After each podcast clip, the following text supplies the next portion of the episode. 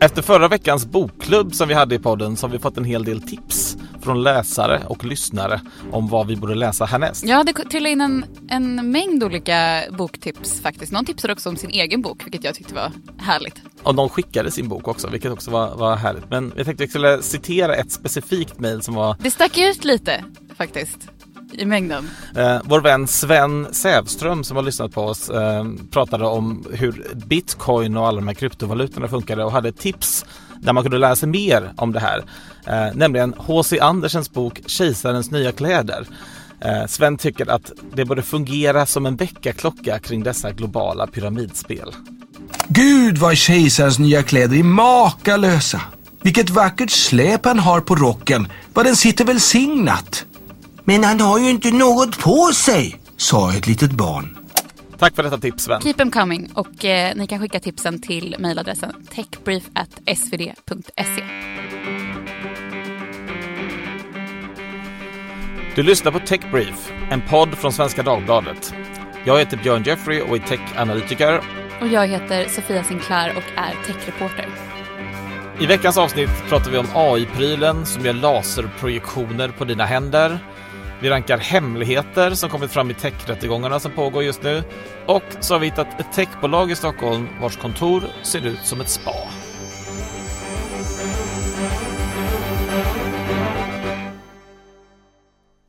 Hela internet har ju bubblat kring en ny pryl i veckan. En liten vit fyrkantig, ska man säga någon slags brosch? Kan man kalla det det? Brosch. Lite så eh, kanske. Ja, jag skulle säga att det ser lite ut som en, eller min första tanke var att det såg ut som en sån gammal personsökare, fast eh, lite upphottad. Men det var, det var mer den associationen jag fick när jag såg den. Skönt att det här Apple-teamet då, eller före detta Apple-teamet som har jobbat på Apple har lyckats åstadkomma vad som ser ut som en personsökare som du har på liksom ditt, ditt knappslå. Eller så är det bara jag som kollar på för mycket Grace Anatomy. Kan också vara det. Vi, eh, vi pratar om Humane Clip eh, som är en ny AI-pryl som släpps i USA idag när vi spelar in detta på torsdagen. Det är ett eh, team då från Apple tidigare, eh, Imran Chaudhry och Bethany Bongiorno som har startat det här bolaget, har fått hur mycket pengar som helst. Eh, och det är liksom den egentligen den första hårdvaran som är dedikerad just för AI. Man kan prata med den. Du fäster den ju liksom på, på, på tröjslaget kan man säga, men sen ma- liksom magnetisk, eh, en magnetisk platta på baksidan som också ska fungera som en laddare. Så att du ska kunna ha på dig den hela tiden. Ja, och den har liksom samma utmaningar egentligen som Apple Watch och andra typer av klockor, det vill säga att batterierna tar slut så de har utbytbara batterier så att du kan hålla igång Mm. den här hela dagen. Det roliga med den här är att du kan prata med den och den kan då nyttja AI-tjänster för att hjälpa dig med olika saker. Eh, och det kan även då projicera text på din hand.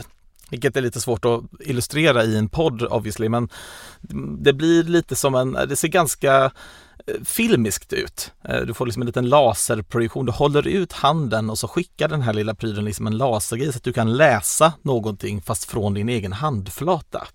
När jag, när jag såg det här just laserprojektionen, så, när de demonstrerade det, så tänkte jag också på att för då ändrar det ju, jag menar, när du ändrar läge på handen så ändras det också det som du ser i laserprojektionen. Att när du gör en viss rörelse till exempel så kan du gå från klocka och datum till väder. Och jag bara tänkte så här, hur ska man kunna hålla handen och komma ihåg alla de här olika små rörelserna? Det är som en egen liten koreografi nästan. Ja men precis. Även om det ser väldigt finns- eh, ballt ut.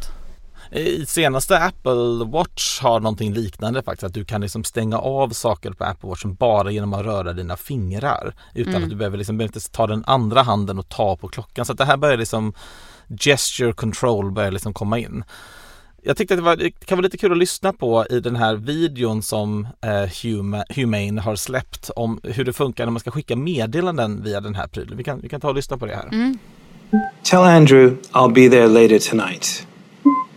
Your message to Andrew says I'll be there later tonight. Okay to send? Make me sound more excited. Your message to Andrew says I'll be there later tonight. Can't wait. Okay to send? Han låter ju inte jätte-excited eh, trots detta. Och, och inte heller själva Humane AI som pratar låter jätte-excited heller tycker jag. Nej, jag fick en, när jag såg de här två grunderna så, så fick jag en association till två liksom svartklädda personer i kön till Berghain i Berlin. Alltså det var lite den, den vibben. Det är lågmäld, läderjacka, Ja, ganska seriös, allvarlig. Ja men det är sant. Men vad det, jag tänker vad det här handlar om egentligen är någon slags Den första då dedikerade hårdvaran som jag kan komma på åtminstone som, som är syftar till att liksom komma åt AI och skapa någon slags tanke av en skärmlös framtid. Många har ju pratat om att man, man tittar, spenderar mycket tid på sina telefoner, skärmen liksom ligger i vägen för grejer. Det är ju lite det som har varit löftet kring att det nya, alltså så Metas VR-glasögon, Apples Vision Ray-Ban, Pro. ja. Efter alla de här sakerna, att skärmen ligger liksom i vägen mellan interaktionen och det här är väl ett sätt att komma bort ifrån den här skärmen. Eh, Faktum är att jag tycker att det är ganska lik ett gammalt svenskt bolag, åtminstone till sitt utseende. Jag vet inte många som kommer ihåg detta, men det fanns ju en liten liknande produkt som hette Narrative Clip som var en liten kamera som tog bilder, jag tror det var 30 sekund eller någonting sånt där och skulle då på baksidan av denna tjänst så skulle man kunna minnas sina dagar på ett bättre sätt. Detta funkade inte eh, och gick under eh, till slut och det var också kanske lite obehagligt för folk att alla gick runt med kameror. Var den på då blinkade till. Ja, den var på hela tiden. Ehm, För det och ska ju inte den här vara i typ alla fall, av- utan det ska ju finnas eh, lite olika ljus som, som du kommer se beroende på, så att folk kan faktiskt se att ah, men nu är kameran på eller nu, spelar den in, nu tar den in ljud. Så att man blir Ja, lite varnad. precis. Även då de här Ray-Ban glasögonen som Facebook har, har ju någon liten lampa. Google Mm. Glass hade samma sak, en liten lampa. Och, och det är liksom den här lilla lampan då som blinkar, det är ju liksom vår tids spionagevarning. på Flagga. Ja, lite så. Vi kan lyssna på hur, hur de själva beskriver detta så att man vet huruvida man blir filmad eller fotad eller inte. The trust light indicates when its input, optical, or audio sensors are active, ensuring full transparency and data security.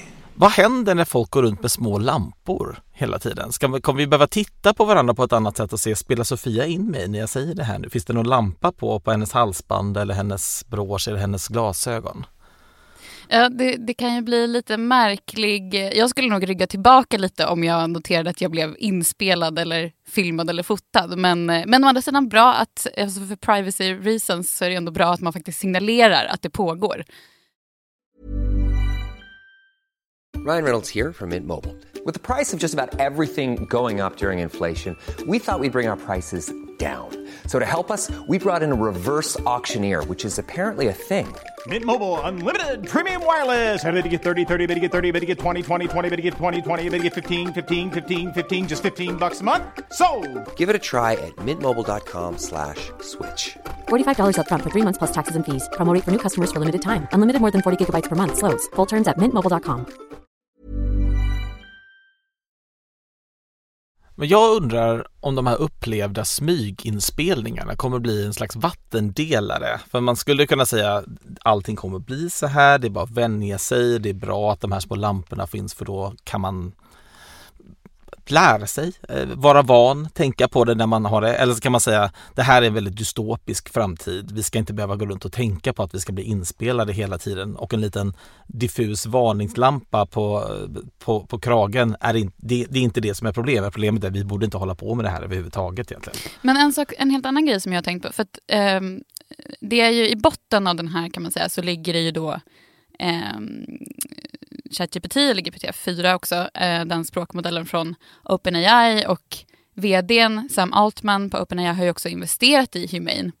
Eh, och samtidigt efter den här demonstrationsvideon släpptes så var det ju ganska många som reagerade på att det var en hel del som blev fel. Så jag menar, eh, även om det kanske går snabbare eh, att kunna skicka meddelanden eller göra saker utan att behöva ta upp sin telefon eh, och scrolla i oändlighet för att hitta olika meddelanden eller sådär. Hur ska man liksom kunna lita på att det här faktiskt är korrekt information eller hur ska man våga lita på att det faktiskt blir eh, korrekt? För jag menar, det här är ju alltså, problemet med språkmodellerna och vad som är sant och inte och hallucinationer. Det, det tror man ju inte kommer lösa sig förrän om flera år eventuellt. Nej, och, och därtill så, så till själva use caset, det vill säga du går runt, du kan skicka meddelanden när du medan du cyklar eller du är på, på bussen eller vad det kan vara för någonting. Du, du kan få en funktion som Humane har, har så här, catch me up. Och så om du har varit borta vid något tillfälle så kan du berätta, men nu har Björn har smsat dig och vill att vi ska spela in Mm. i studion nu snabbare än tidigare. Det finns lite sånt här, men det Var är det en liten pik där eller? Exakt. Slu, sluta kom för sent till studion nu, säger, A- säger AI-klippet. Nej, men det finns en, ett löfte om detta från de här gamla röstassistenterna som vi hade på mobiltelefoner. Jag tänker på Siri, jag tänker på Google Assistant, tänker i viss mån eh, Amazons Alexa. Samma egentliga löfte då att du ska kunna komma åt så som, att komma åt internet var det då, i det här fallet är det komma åt AI, men det är, liksom det är röstvägen in på internet och det här är liksom röstvägen in i AI. Du ska inte behöva sitta och skriva med ChatGPT eller chatta med ChatGPT utan du ska kunna prata med den. Där finns någonting. Men för mig så undrar jag, behövs det en dedikerad hårdvara för detta? Det är frågan. Jag, jag såg en jätterolig liksom, Youtube-kommentar som sa It's incredible. It combines all of the features and use cases I don't use on my phone in one device. Men det summerar Men höll- lite, höll för att vi har ju mycket av du- detta redan nu egentligen. Ja, eh, absolut. Men höll du med om den, eh, den analysen då för egen del? Ja men lite tycker jag. Så, så kanske inte jag använder AI-tjänster så ofta än så länge att jag känner att jag skulle behöva komma åt det hela tiden. Men löftet som har funnits från Siri till exempel är ju i väldigt hög utsträckning inte löst än heller. Jag kan inte göra de Alltså Siri misslyckas ju med de absolut enklaste av frågor. Eh, Det blir nästan alltid fel varje gång jag försöker. Jag liksom st- stänger av Siri för att den är så dålig.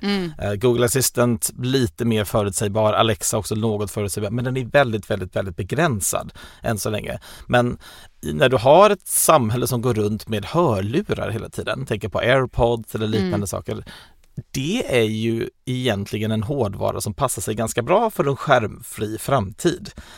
Eh, Egentligen, i, i högre utsträckning så måste vi ha en helt ny. Alla som går ut med airpods kan ju då prata med Siri förutsatt att Siri hade varit bättre på att svara.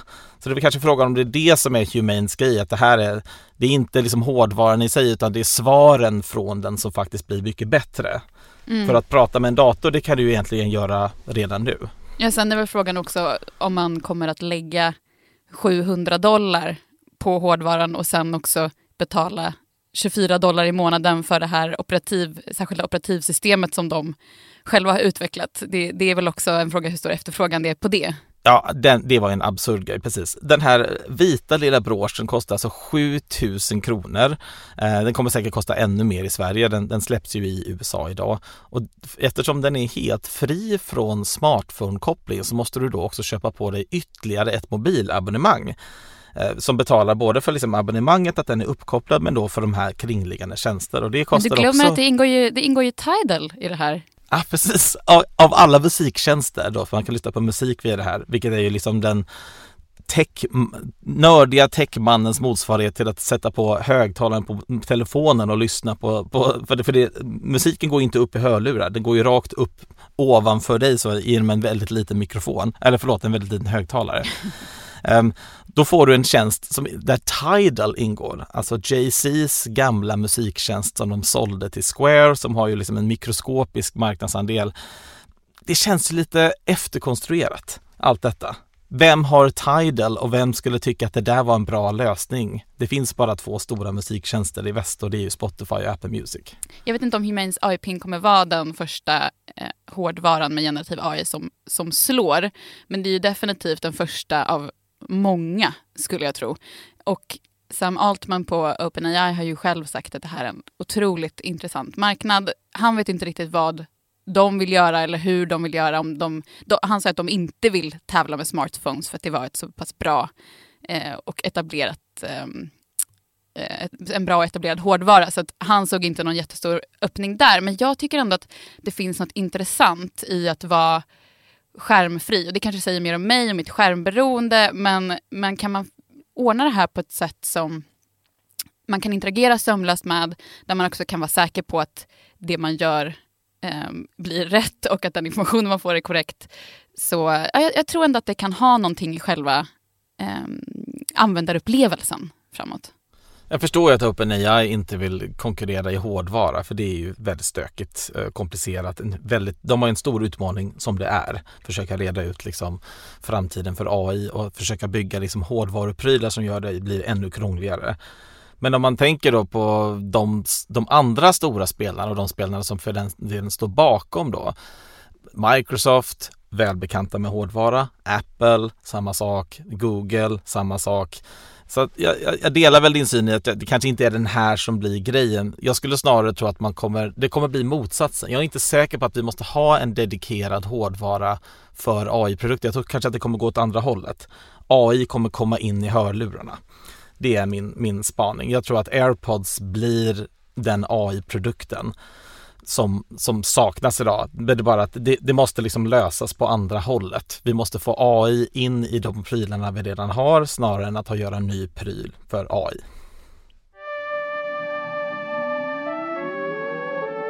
Techbrief presenterar veckans. Det är dags för veckans och eh, veckans kontor blir det den här gången. Eh, vår kollega Klara Matsdotter kom eh, inspringandes på redaktionen igår och var eh, lite lyrisk. Hon hade varit hos eh, Joel Hellmark som driver AI-bolaget Sanalab. Sen är vi lite av eh, TechSveriges AI-älskling just nu. Eh, hon hade varit på hans kontor och sa att det såg ut som Yasuragi. Jag skickar dig en, en bild här, några bilder här Björn så att du kan se hur det ser ut. Nu, nu sitter inte jag på redaktionen till vardags men det är en ganska annan känsla än så det ser ut på Svenska Dagbladet. Det får man ju ändå tillstå när man tittar på de här bilderna. Det ser väldigt snyggt ut men det ser inte alls ut som ett kontor. Ja, jag har också varit där för ett tag sedan och det är ju ja, men det är ett kontor med väldigt mycket rymd och det är liksom eh, trä, snygga träslag, dova färger. De har ett väldigt fint kök där de lagar mat ihop varje dag enligt Joel Hellemark. Det är lite som en korsning liksom mellan någon italiensk eh, snygg 70-talslägga och ett japanskt tehus kan man väl säga. Skriver under på den. Ja, jag, jag, jag, förstår den beskrivningen. Men gör man de här kontoren för att man genuint tror att personalen presterar bättre när man sitter i det här liksom spa-liknande tehuset och skriver sin AI-kod eller gör man det för att folk som du och jag ska sitta och prata om det eh, i, i den här typen av kontext och säga herregud har du sett det här kontoret? Eh, enligt Joel Hellemark så finns det ändå en tanke bakom det här. Ehm, att, man just, ja, att det ska främja liksom, djuparbete och det ska främja deras eh, Eh, deras jobb helt enkelt. Eh, jag satt också i det här, i källaren så har de ett, ett litet terum faktiskt, eh, där man sitter då på golvet och där intervjuade jag honom för ett tag sedan och satt just med liksom, benen i kors på golvet med ganska svajig internet, internetuppkoppling. Ehm, det här är lite så här tech bro feng shui kan man väl säga. Anar vi en ny trend? Anar vi liksom att pingisborden eh, liksom tillhör den, den här boom-eran och nu är liksom ut med pingisbord, in med teceremonier? I alla fall om, om kapitalmarknaden eh, nyktrar till lite och man får in mer kapital så tror jag att det finns absolut fler svenska techbolag som kan eh, bygga om sina kontor och liknande här. Eh, men jag, jag, skulle nästan hellre spendera en helg på Sanalabs kontor än på Yasuragi i alla fall. Så jag delar Klaras eh, omdöme där. Ryan Reynolds here from Mint Mobile. With the price of just about everything going up during inflation, we thought we'd bring our prices down. So to help us, we brought in a reverse auctioneer, which is apparently a thing.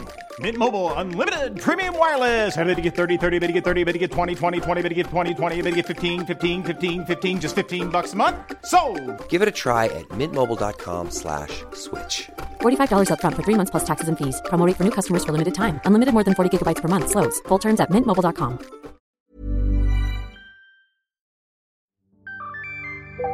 Jag är alltså på Amazons treårsfirande. Eh, det är lite B och C-kändisar här, eh, någon politiker, men mest är det handlare alltså, som finns på Amazon som är här. Ja, det där var kanske inte det mest välproducerade ljudet man någonsin har hört. Men det var ändå ett försök från min sida att eh, spela in en liten illustration när jag var på Amazons treårsfirande i Sverige eh, i onsdags. Eh, ja, men A, A for effort, men eh, kanske C för ljudkvalitet. ja, det var generöst av dig. Eh, men Amazon firade alltså tre år här i Sverige och ehm, det var väl inte, det var en ganska avslappnad tillställning. Det var mycket stora eh, Amazon liksom pappboxar eh, som var st största delen av rekvisitan här. Eh, och, ja, ganska... Klassisk festinredning. precis, precis. Man fick ju inte någon känsla av att de har monopol på svenska e-handelsmarknaden direkt. Den senaste uppskattningen är väl ungefär 1 av marknaden, eh, det som jag har sett. Men den uppfattningen har man ju inte i USA. Där pågår det ju en, det lämnas in en stämning mot Amazon med eh, monopolanklagelser och det är ju inte den enda utan det pågår ju faktiskt en liten stämnings och rättegångsbonanza i USA just nu. Och förutom den här stämningen mot Amazon så pågår också två rättegångar eh, mot eh, Google. Och de utreds ju alla då för diverse monopolanklagelser. Och eh, rättsfall och rättegångar, nej, det är kanske inte det sexigaste man kan prata om. Men det har ju faktiskt kommit fram väldigt mycket juicy stuff här. Det har kommit fram en rad hemligheter i de här rättsfallen som vi inte hade känt till om inte det här, de här hade pågått. Så jag tänker att och det blir lite som att vi får kika in i techbolagens black boxes kan man säga. Det är liksom stort hemlighetsmakeri kring deras eh, affärsmetoder och eh, affärsmodeller lite grann i vanliga fall. Eh, men jag tänker att vi ska gå igenom de bästa här. Jag ska ge dig en topplista Björn.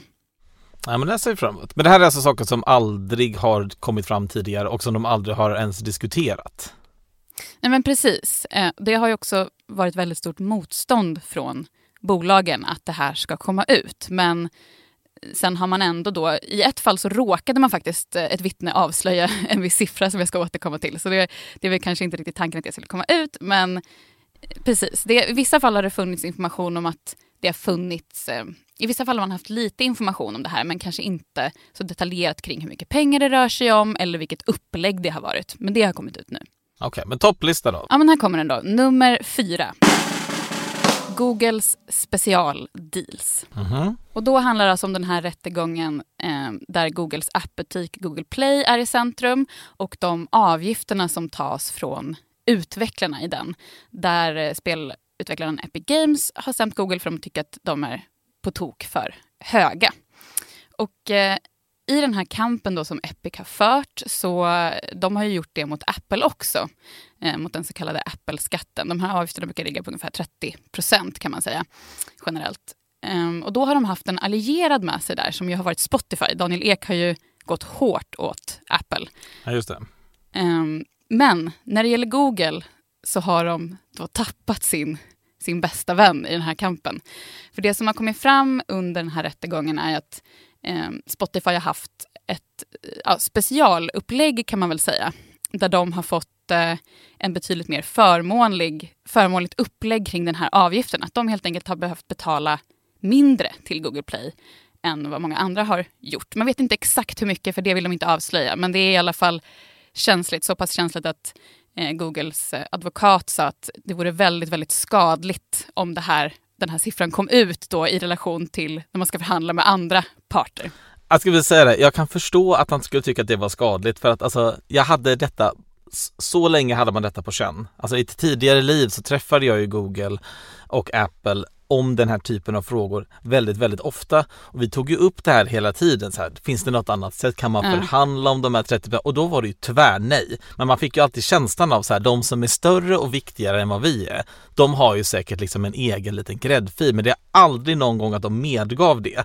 Utan det är så här, nej, det här är policy, det är 30% som gäller, det finns inga undantag, bla bla bla.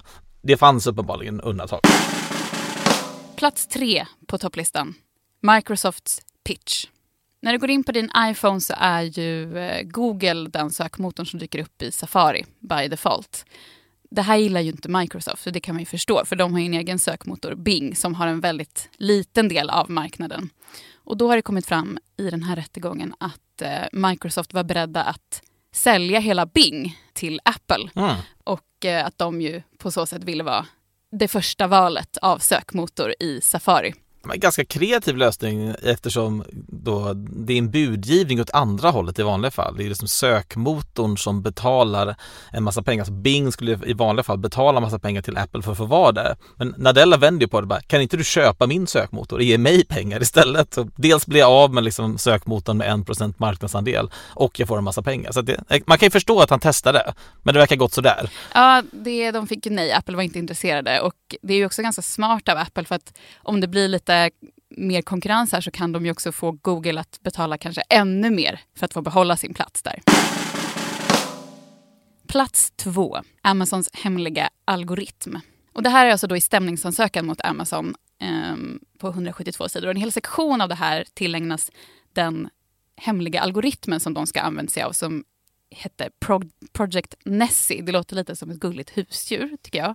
Ehm, det var en algoritm då som höjde priserna på Amazons sajt och höll koll på om konkurrenter följde efter. Och om de inte gjorde det så ändrade algoritmen tillbaka priset hos Amazon. Man testade alltså hur mycket Amazon kunde höja priserna eh, mot kunderna för att tjäna så mycket pengar som möjligt. Och den här algoritmen ska ju ha genererat 10 miljarder ungefär i extra vinst för Amazon. Även om Amazon själva hävdar att det inte riktigt var så här den skulle fungera. Men... Det låter som varje e-handlares drömalgoritm skulle jag säga. ja, 10 miljarder kanske är småpengar för Amazon, men det är ändå 10 miljarder. Plats nummer ett. Kan du, kan du gissa vad det här är? Du som ju ändå har följt det här också väldigt noga. Eh, det måste ju vara med Apple och Google. Eller? Ja, det är pengamaskinen Safari. Ah. Ja, för det kom ju fram här i veckan då att eh, Apple får 36 procent av annonsintäkterna som genereras via googlingar i Safari. Och det har ju varit känt tidigare att, att Google har betalat miljarder för att få den här sweet spotten i Safari. Men inte riktigt hur det här upplägget har gått till och hur stor andel det är. 36 procent är ju ändå anmärkningsvärt. Verkligen. Otroliga mängder pengar. Det, det, var tydligt hur känslig den här siffran var för Google eh, när det beskrevs hur deras advokat visibly cringed när den här siffran råkade komma fram från ett vittne. och en annan kul grej är också att eh, Googles vd Sundar Pichai faktiskt bekräftade den här siffran i den andra rättegången mot Epic Games. Det, det är mycket nu för Google. Ja, men väldigt kul lista, mycket juicy detaljer. Samtidigt så undrar man ju hur mycket är det vi inte får höra? Om det här var den lilla delen som de tvingades dela med sig av och någonting som ett och annat vittne försade sig om. Eh, frågan man ställer sig är ju hur mycket av det här pågår som vi aldrig får reda på egentligen.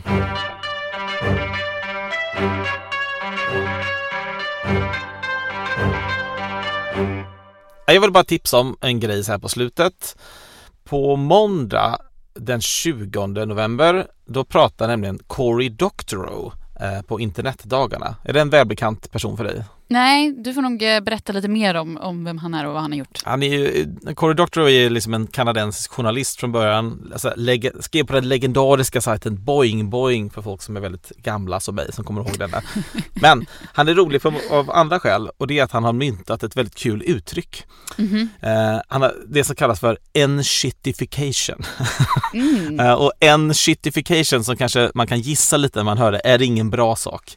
Utan det är egentligen process processen som sociala nätverk och stora internettjänster genomgår när de gradvis blir sämre. Mm. Eh, han hade ett roligt citat liksom i, jag tror där han beskriver detta. Han säger så här They are good to their users, then they abuse their users to make things better for their business customers.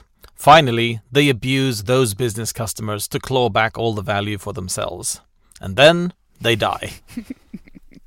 ja, det är ju anklagelser som flera techbolag har fått. Bland annat Google till exempel. Förutom att ja, det är inte så många av dem som har dött precis. Åtminstone inte än. Så att, eh, ett tips är om ni ska gå på internetdagarna i nästa vecka, missa inte Cory Doctorow.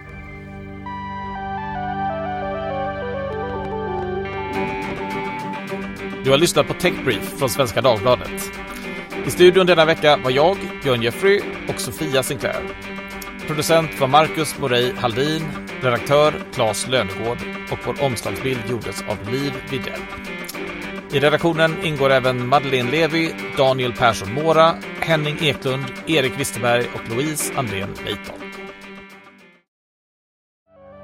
Ljudklippet i podden kom från Bellevue Film och Humane. Ansvarig utgivare är Martin Ahlqvist.